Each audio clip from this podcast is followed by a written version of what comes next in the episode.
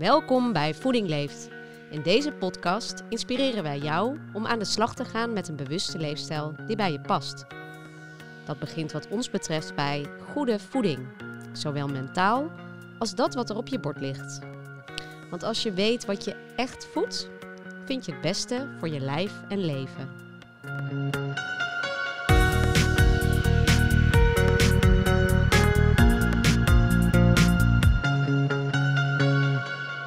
Leuk dat je luistert. We zitten aan tafel bij Voeding Leeft. Ik ben Barbara Kerstens. En tegenover mij zit Suzanne Bieseman, trainer, mindfulness trainer en coach. En ook coach bij Keer Diabetes 2 om. Welkom Suzanne, leuk dat je er bent. Dankjewel. Wie zie jij als je in de spiegel kijkt? Mezelf. Mooi, kort en krachtig. Ja. Prachtig. Wat is jouw ultieme ontspanning? Stilte. Eh, alleen zijn. In de natuur zijn. En zoek je ook de stilte in de natuur? Ja, zeker. Ja. ja, absoluut. En wat nog meer als je zegt stilte?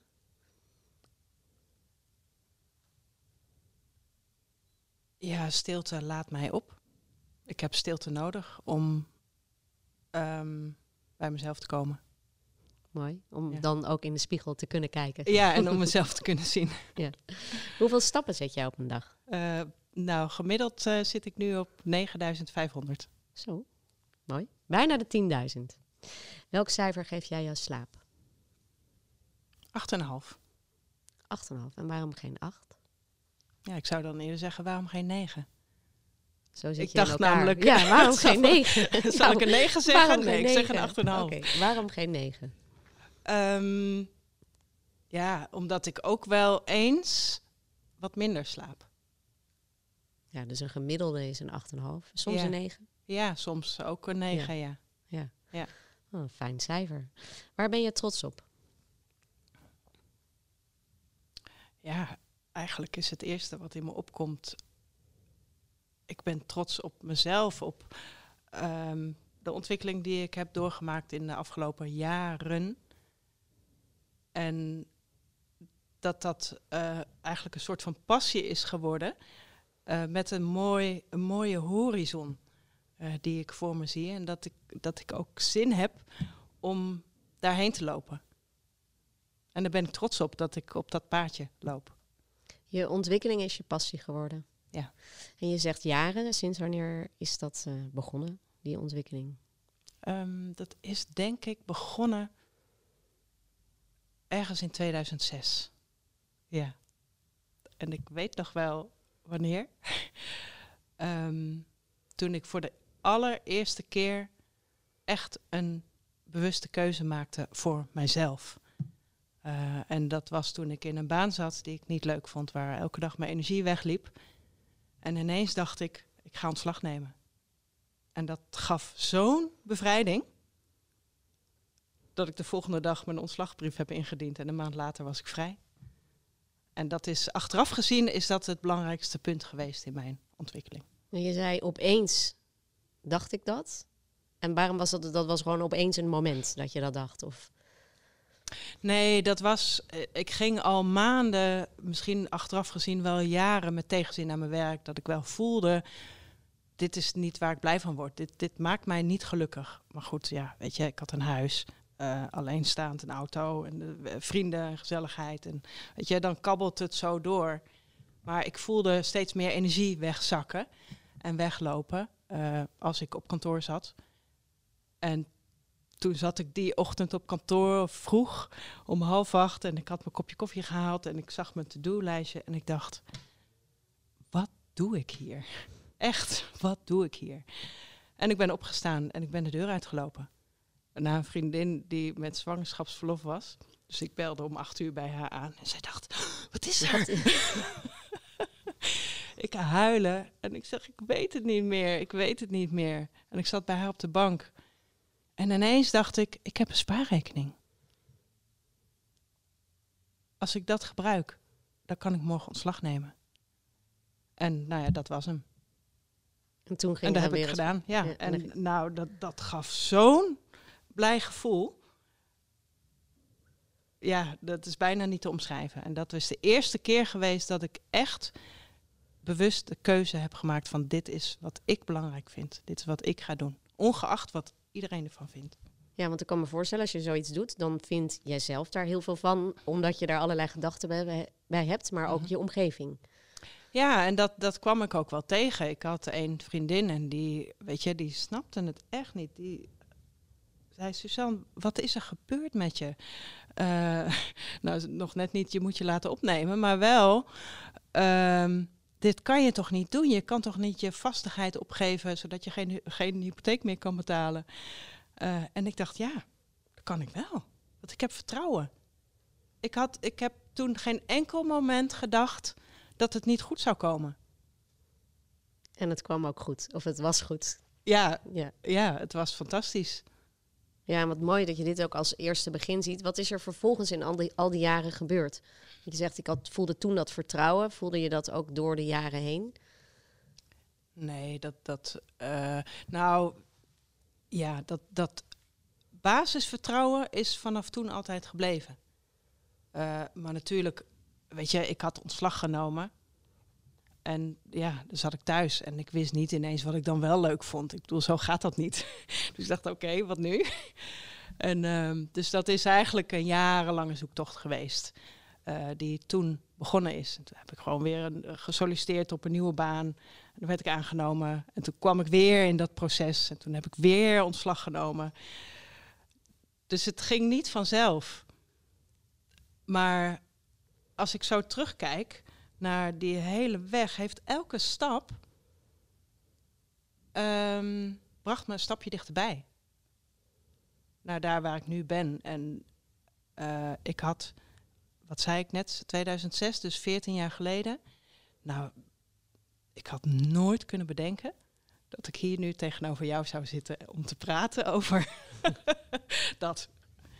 Ja. Ja, dus er is veel meer mogelijk als je dan dat uitzet van wat er. eh, eh, Ja, en de, jouw vraag ging over je omgeving, hè? Eh, want dat is wat ik toen ook uitzette. En het maakte me ook niet uit wat mijn omgeving toen dacht toen ik ontslag nam.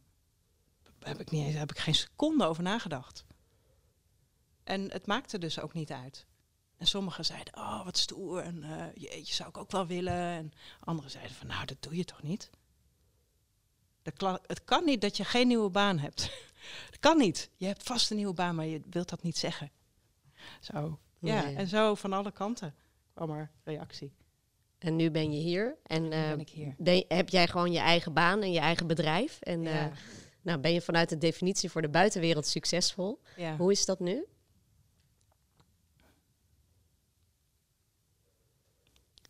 ja, het geeft vertrouwen.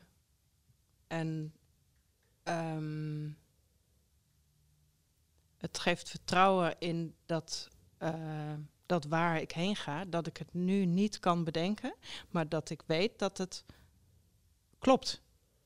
Als ik maar blijf luisteren naar dat gevoel van wat voor mij wel of niet klopt. En daar is waar dat, wat jij net ook zei, hè, daar heb je ook de stilte voor nodig om daar naar te kunnen luisteren. Ja, anders kan dat niet. We gaan het over aandacht hebben vandaag. Jij bent mindfulness training, dat, trainer. Dat is een eh, begrip wat we heel veel horen, wat ook eh, volgens mij nogal gehyped is. Ja, is dat? Wat, eh, wat is dat eigenlijk, mindfulness? Nou ja, je hebt de officiële definitie van mindfulness. Dat is bewuste aandacht in het moment, zonder oordeel. En ja, dat is ook wat het is. Eh, maar dat is wel heel makkelijk gezegd. Ehm, mindfulness leer je niet door dat uit een boek te leren. Eh, door de bladzijden te lezen over hoe je mindful wordt. Mindfulness leer je door aandacht door aandacht te geven aan dat wat er is in het moment. Ja, want je zegt, het is dus eh, in het moment bewuste aandacht zonder oordeel. Klopt. Ja. En dat zijn drie elementen, en dat klinkt heel simpel, maar dat zijn drie elementen die nogal een lading hebben. Ja. Zullen we die eens eh, afpellen? Van Ja. eh, wat is dat dan, bewuste aandacht? Voor mij is bewuste aandacht ja, uh, dus vanuit stilte kijken wat er is en wat er gebeurt. En ik merk dat uh, bewuste aandacht best heel lastig is als je leeft in de waan van de dag en een drukke baan hebt en van allerlei dingen denkt te moeten die op je lijstje staan hè, om af te vinken op een dag. Maar ik denk dat bewuste aandacht ervoor zorgt dat je ineens ziet dat dat lijstje helemaal niet zo belangrijk is. Dat de andere dingen veel belangrijker zijn, die, niet, die misschien niet op jouw lijstje staan, of misschien ook wel. Maar dat als je echt kijkt naar dat lijstje, wat is er voor mij nu vandaag belangrijk om te doen? En dat vaak oefent, dan, uh, dan leer je dat. En dan krijg je misschien wel een heel ander lijstje. Ja, dat zou kunnen. Ja. En uh, hoe weet je dan wat voor jou belangrijk is? Want je zegt je kan dat oefenen, maar waar begin je dan? Door te doen. Ja, dat, uh, dat, dat klinkt heel. dat is ook weer hè, door te doen. Ja. Um, door letterlijk in beweging te komen. Ik ben van nature iemand die. Um, die heel veel kan nadenken en afwegen. En uh, zal ik wel dit, zal ik wel zus of zal ik het juist niet? Maar ik heb in de loop van de jaren geleerd dat gewoon door die eerste stap te zetten, dat er daarmee openingen volgen om weer een volgende stap te zetten. Om weer een volgende stap te zetten. En dan kom je er op een gegeven moment achter dat misschien die laatste twee stapjes net een verkeerde kant uitgaan. En dan, als je daar met aandacht naar blijft kijken, kun je dus zeggen, oh wacht, dit gaat de verkeerde kant op. Ik moet even een stapje terug en ik ga weer op mijn paadje naar mijn horizon. Eigenlijk zoals jij je levenspad net beschreef. Ja, eigenlijk wel, ja. Ja. ja. En dat doe je door, nou ja, door te doen. Door te ontdekken. De, eh, en eigenlijk hoor ik ook die stemmen die je in je hoofd hebt van... Uh, ja, maar zal ik wel? Moet ik dat nou wel doen? Uh, maar dat kan ik toch helemaal niet? Om die uit te schakelen en gewoon te gaan. Dat is wat je bedoelt met gaan. Gewoon die eerste stap te zetten. Ja, want ik denk dat, dat, weet je, de een zal dat meer hebben dan de ander. Uh, maar dat we allemaal op een bepaalde manier onze stemmen hebben en onze oordelen hebben en onze uh, gewoontes hebben ontwikkeld door de jaren heen. Um, en je, als je daar opmerkzaam van wordt, van, van die patronen die je hebt ontwikkeld, uh, als je dat kan gaan zien, dan kun je ook daar los van komen. Mooi. Die is uh, volgens mij helder. Ook voor de luisteraar, denk ik. Hè? Gewoon gaan. Um, dat moment van gaan, vind jij dat, um, is dat altijd even makkelijk om gewoon te gaan? Nee, zeer zeker niet. Soms zelfs heel erg moeilijk. Um, ja, ik moet soms ook wel echt afspraken met mezelf maken om te gaan. Uh, klein voorbeeldje, huistuin- en keukenvoorbeeld. Ik heb me vorig jaar voorgenomen om, ons huis te gaan schilderen van de buitenkant. Uh, en ja, dat, daar was best wel wat voor nodig om dat te gaan doen. Maar ik wist, dat was ook weer zo'n moment dat ik dacht, oh ja, dit, dit is goed voor mij om dat te gaan doen. Om gewoon lekker te gaan schilderen buiten. En ik geloof dat het uiteindelijk twee maanden geduurd heeft voordat ik uiteindelijk de kwast heb gepakt en ging schilderen. Maar ik heb het wel gedaan. En ik ben nu halverwege. Mooi. En hoe lang heb je nog te gaan met, met het schilderen? Uh, nog het halve huis. Ja, dus ik, uh, nou, als ik, ik geef mezelf nog een jaar. Dus een stap voor stap. Stap voor stap met ja. aandacht. Ja. In het moment. Dat was de tweede. Wat betekent dat in het moment, in het nu zijn? Dat horen we natuurlijk ook vaak, maar wat, wat houdt dat in? Ja, dat vind ik best wel heel moeilijk om daar echt woorden aan te geven. Um, voor mij is dat ook iets wat ik ervaar, of wat ik, wat ik voel. Um, in het nu zijn betekent voor mij. Nou ja, eigenlijk ook wat er nu gebeurt. Wij zijn nu samen in gesprek. En als jij een vraag stelt, dan luister ik naar jouw vraag en dan dan merk ik, oh, wat voor een antwoord gaat er komen? En dan komt er een antwoord. Um, dus in het nu zijn betekent voor mij met aandacht luisteren naar wat een ander zegt. ehm, nou moet ik ook aan een ander voorbeeldje denken. Dat was al een aantal jaar geleden van mijn dochter. Die was toen denk ik een jaar of vijf. En uh, we zaten in dat, in dat ochtendproces van uh, voordat je naar school gaat met drukte en uh, ontbijttafel klaarmaken en opschieten en de broodtrommel klaarmaken. En ik was druk in de keuken bezig en zij kwam maar de hele tijd bij mij, mam, mam, ik wil je wat laten zien. En ik, nee, nu niet. Even aan de kant. Je ziet toch dat ik bezig ben? Nou, dat ging zo een paar keer door. Totdat ik dacht, dacht wat wil ze eigenlijk zeggen? Dus toen kwam ze weer, mam, ik wil je wat laten zien. Zei, nou, dus ik bukte en ik zei, nou, wat wil je laten zien? En toen had ze een kaart gemaakt en daar had ze opgeschreven voor mama. Kusje Eva. En dat was eigenlijk voor het eerst dat ik zag dat ze zo kon schrijven. En dat was echt een moment van in het nu zijn. Wat je gewend bent om weg te duwen, Terwijl dat moment van aandacht was misschien drie seconden. Ongeveer. Terwijl al die moeite die ik deed om haar weg te duwen, dat kostte me uiteindelijk veel meer energie. Ja, en je was het er bijna door Je had het bijna niet gezien als je niet die aandacht had en niet in het moment was. En hoe jammer is dat? En zo, um, zo gaan er zoveel dingen voorbij als je maar in die waan van de dag zit. Zonder dat je het in de gaten hebt. Zoveel prachtig mooie dingen van ons leven. En jij bent je daar nu bewust van. Ja. En jij ziet ook, hè, je, je uh, werkt onder andere uh, met Keer Diabetes om met deelnemers. Um, je bent uh, trainer, dus jij, je werkt ook heel veel met mensen. Je, je leeft in een wereld. Wat ja. zie je om je heen gebeuren als het gaat om aandacht? Um, ja, dat verschilt heel erg. Ik, heb, ik ben heel gevoelig geworden voor aandacht. Ik merk het echt direct als, als er geen aandacht is. Dat, dat vind ik dan zelf heel ingewikkeld. Dan denk ik, oh, wat jammer. Um, en ik denk dat het, dat het jammer is voor de wereld. Dat er zo weinig aandacht is. Ook voor elkaar. En voor, nou ja, wat ik net zeg, de mooie dingen. En tegelijkertijd is er ook wel heel veel aandacht. Want dat zie ik bij Voeding Leeft heel erg terugkomen. Ik denk, ja, dat is wat ik herken.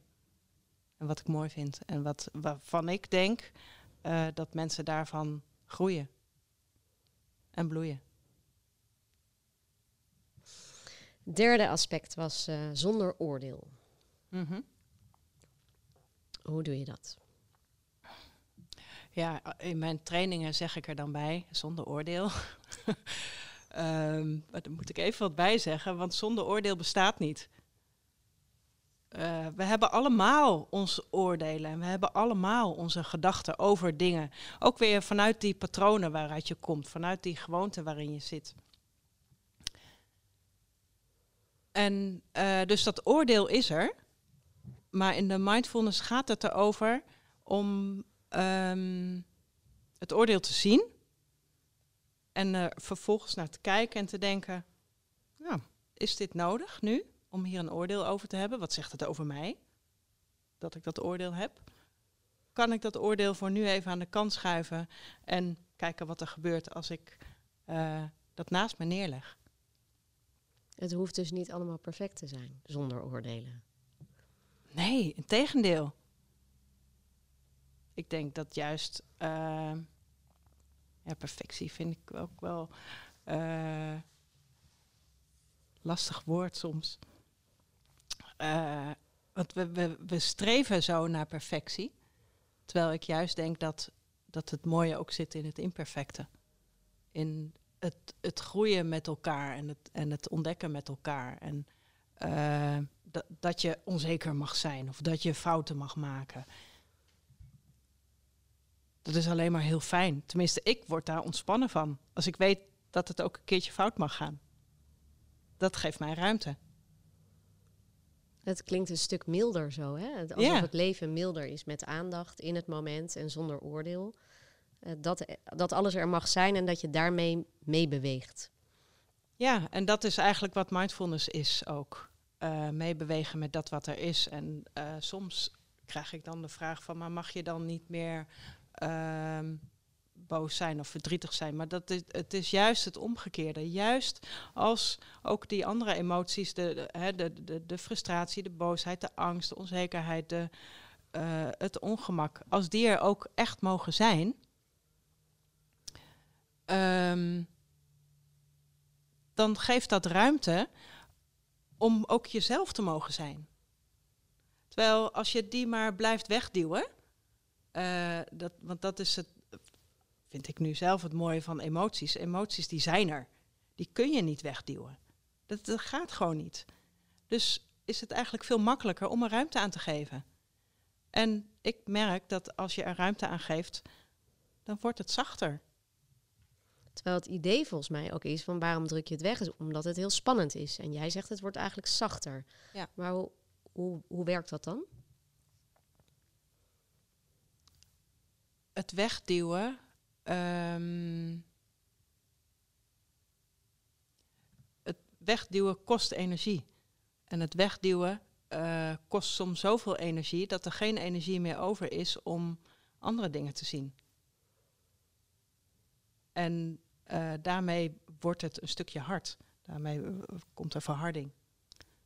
Omdat het soms zo spannend is om angst te voelen, om onzeker te zijn. Dat is soms zo spannend.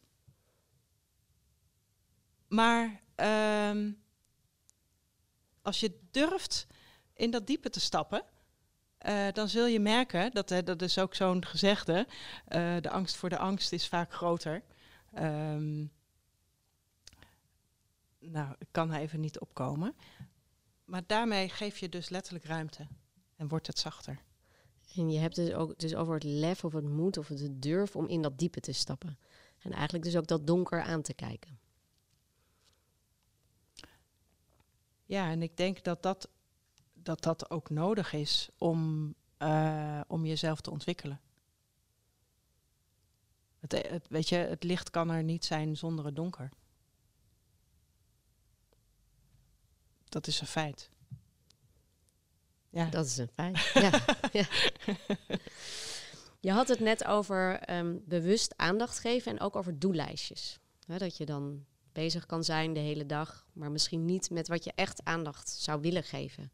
Ja. Hoe kom je daar nou achter wat, wat jij belangrijk vindt? Um, ja, dan kom ik toch ook weer terug naar dat, dat uitproberen. En als jij jezelf herkent in uh, het hebben van doellijstjes op een dag. En dat, je, uh, dat dat ervoor zorgt dat je misschien geïrriteerd bent naar je huisgenoot. Of dat je naar je man of naar je kinderen. Of dat het andere uh, stressreacties oproept. Hè, waar je je niet lekker bij voelt. Uh, dat je jezelf terugtrekt of dat je uh, gaat eten of dat je andere dingen doet die, uh, die jij gaat doen als je gestrest bent. en die kan je voor jezelf onderzoeken, wat dat is voor jou. En als jij jezelf iedere keer terugvindt in, hè, als je gaat eten in, in die snoepkast, dan kun je de volgende keer, als je dat doet, eens denken van, hé, hey, wacht, ik trek die kast open of die zak chips open, waarom doe ik dit? Is dit iets wat mij nu echt voedt? Is dit iets waar ik echt behoefte aan heb? heb of doe ik dat vanuit een automatisme? Vanuit een uh, misschien wel een stressreactie. En um, ja, zo moet je dus op onderzoek uitgaan. Je werkt veel met uh, mensen met diabetes type 2. Dus mensen, zieke mensen, mensen met een aandoening. Wat, wat leer jij daar zelf over aandacht?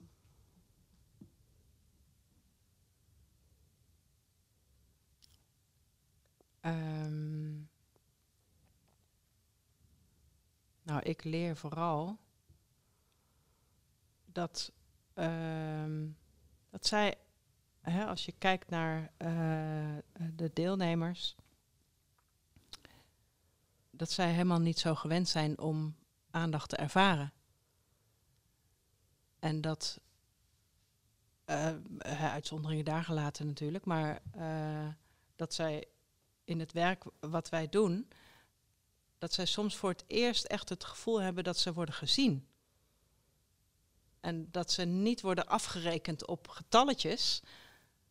Uh, van mijn waarden zijn te hoog of hè, en een pilletje erbij.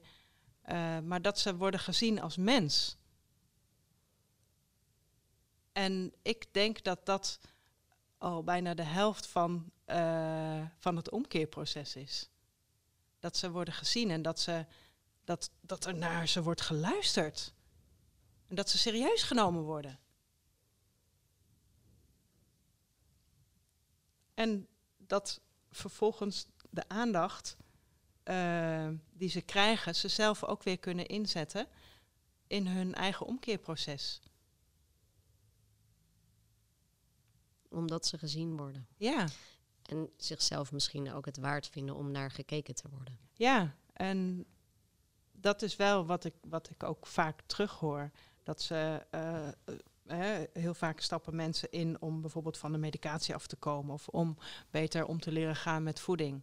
Dat ze achteraf zeggen, maar ik heb zoveel meer gekregen dan alleen maar dat. En dat heb ik nooit gerealiseerd toen ik hier instapte. En dat is natuurlijk een waanzinnig cadeau.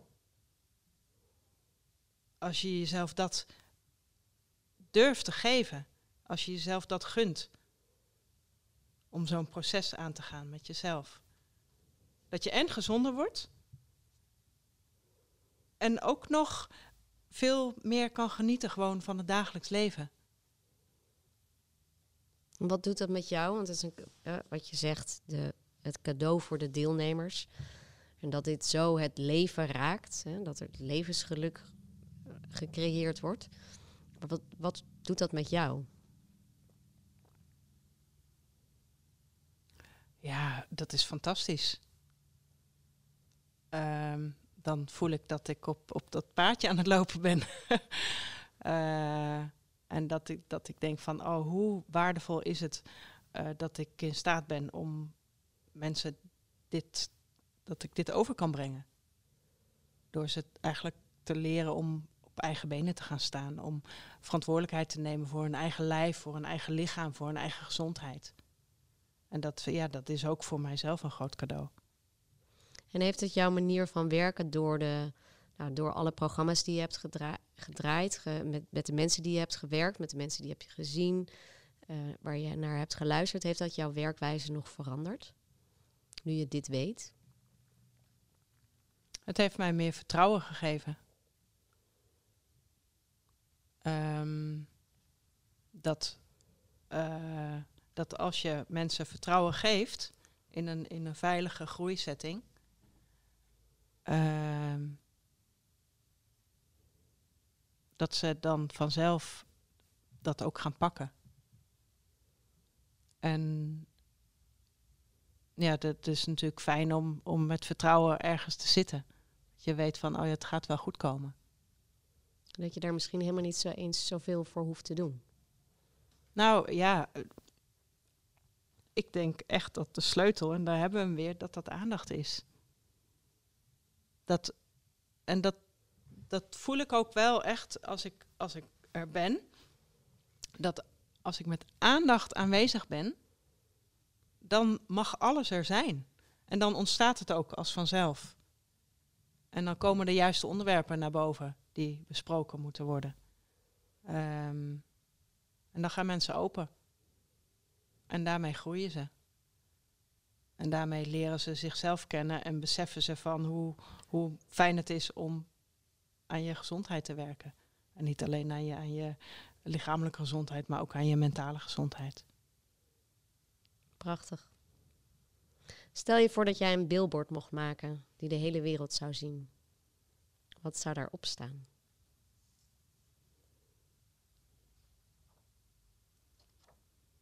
Um,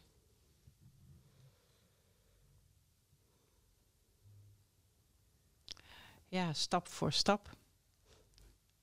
En met één stap tegelijk. Stap voor stap. Met één stap tegelijk. Dankjewel Suzanne voor dit bijzondere en openhartige gesprek in het moment. Dankjewel voor het luisteren naar ons verhaal over voeding in de breedste zin van het woord. Op onze website voedingleeft.nl zie je hoe wij samen met wetenschappers, artsen en andere professionals leefstijlbehandelingen ontwikkelen en exploiteren.